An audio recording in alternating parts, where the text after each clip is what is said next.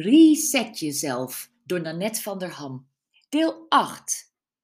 We zijn aangekomen bij stap 5 van de rapportkaart van je leven. En de vraag is: wat is jouw dip 3? Oftewel, over welke drie levensfacetten ben jij het minst tevreden? Schrijf ook deze in je werkboek. En het mogen er maar drie zijn, hè? Niet meer, niet minder, misschien wel minder als je tevreden bent over alles.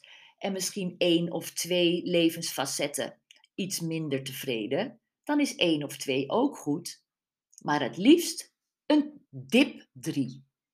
Bijvoorbeeld 1 gewicht, 2 uh, dating, 3 relatie en intimiteit. Zomaar een lukraak voorbeeld.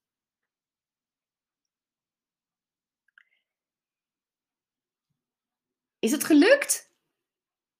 Nog heel even de tijd. Wat is jouw dip 3? Over welke drie levensfacetten ben jij het minst tevreden?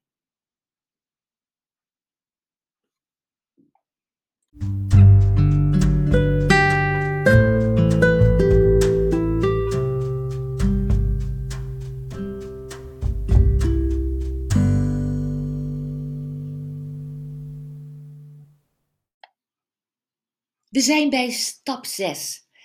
Pas The Secret of Your Success toe op je dip 3.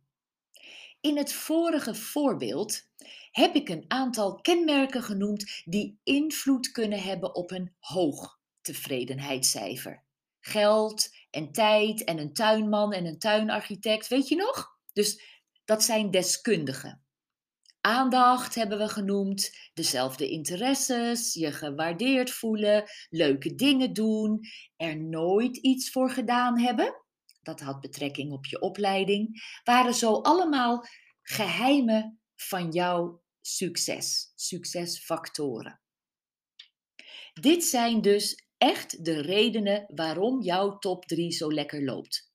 En als je nou, en nu komt het, dezezelfde kenmerken toepast op jouw dip 3, gaan die lage cijfers dan ook niet meteen omhoog?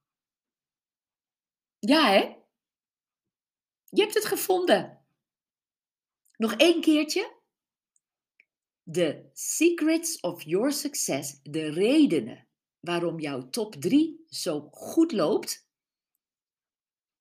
Als je diezelfde redenen gaat inzetten op je dip 3, gaan die tevredenheidscijfers dan ook niet omhoog.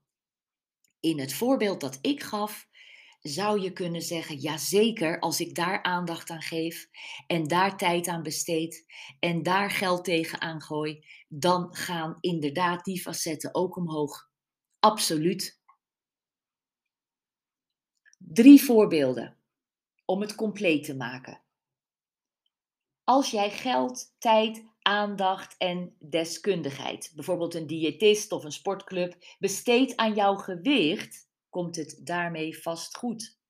Als je tijd en aandacht aan dating besteedt, iemand kiest met dezelfde interesses en samen leuke dingen doet, dan komt dit levensfacet ook van de grond.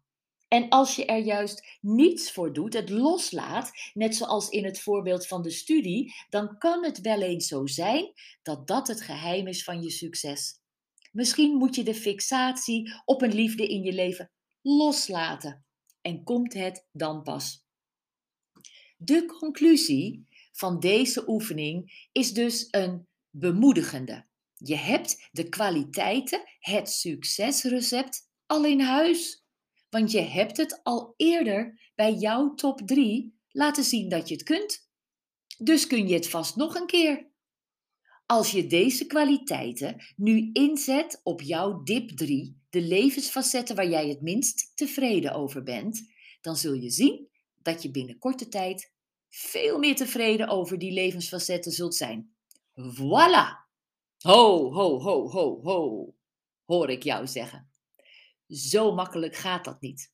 Want doordat alle tijd en aandacht en geld bijvoorbeeld naar de tuin gaat, is er niets meer over voor de levensfacetten die jij wilt veranderen. Hé, hey, dat is een hele goeie.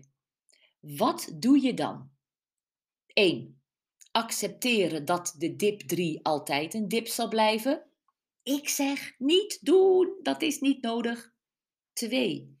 Accepteren dat niet alle dips tegelijk opgelost kunnen worden en dat je je dips één voor één gaat oplossen. Ja. 3. Tijd, aandacht en geld, bijvoorbeeld, maken om jouw dip 3 aan te pakken en op te lossen. En zo komen we bij de laatste stap. Stap 7. Wat is er nodig om van jouw dip 3 een top 3 te maken? Wat is er nodig om van jouw dip 3 een top 3 te maken? Schrijf in je werkboek weer alles op wat er in je opkomt.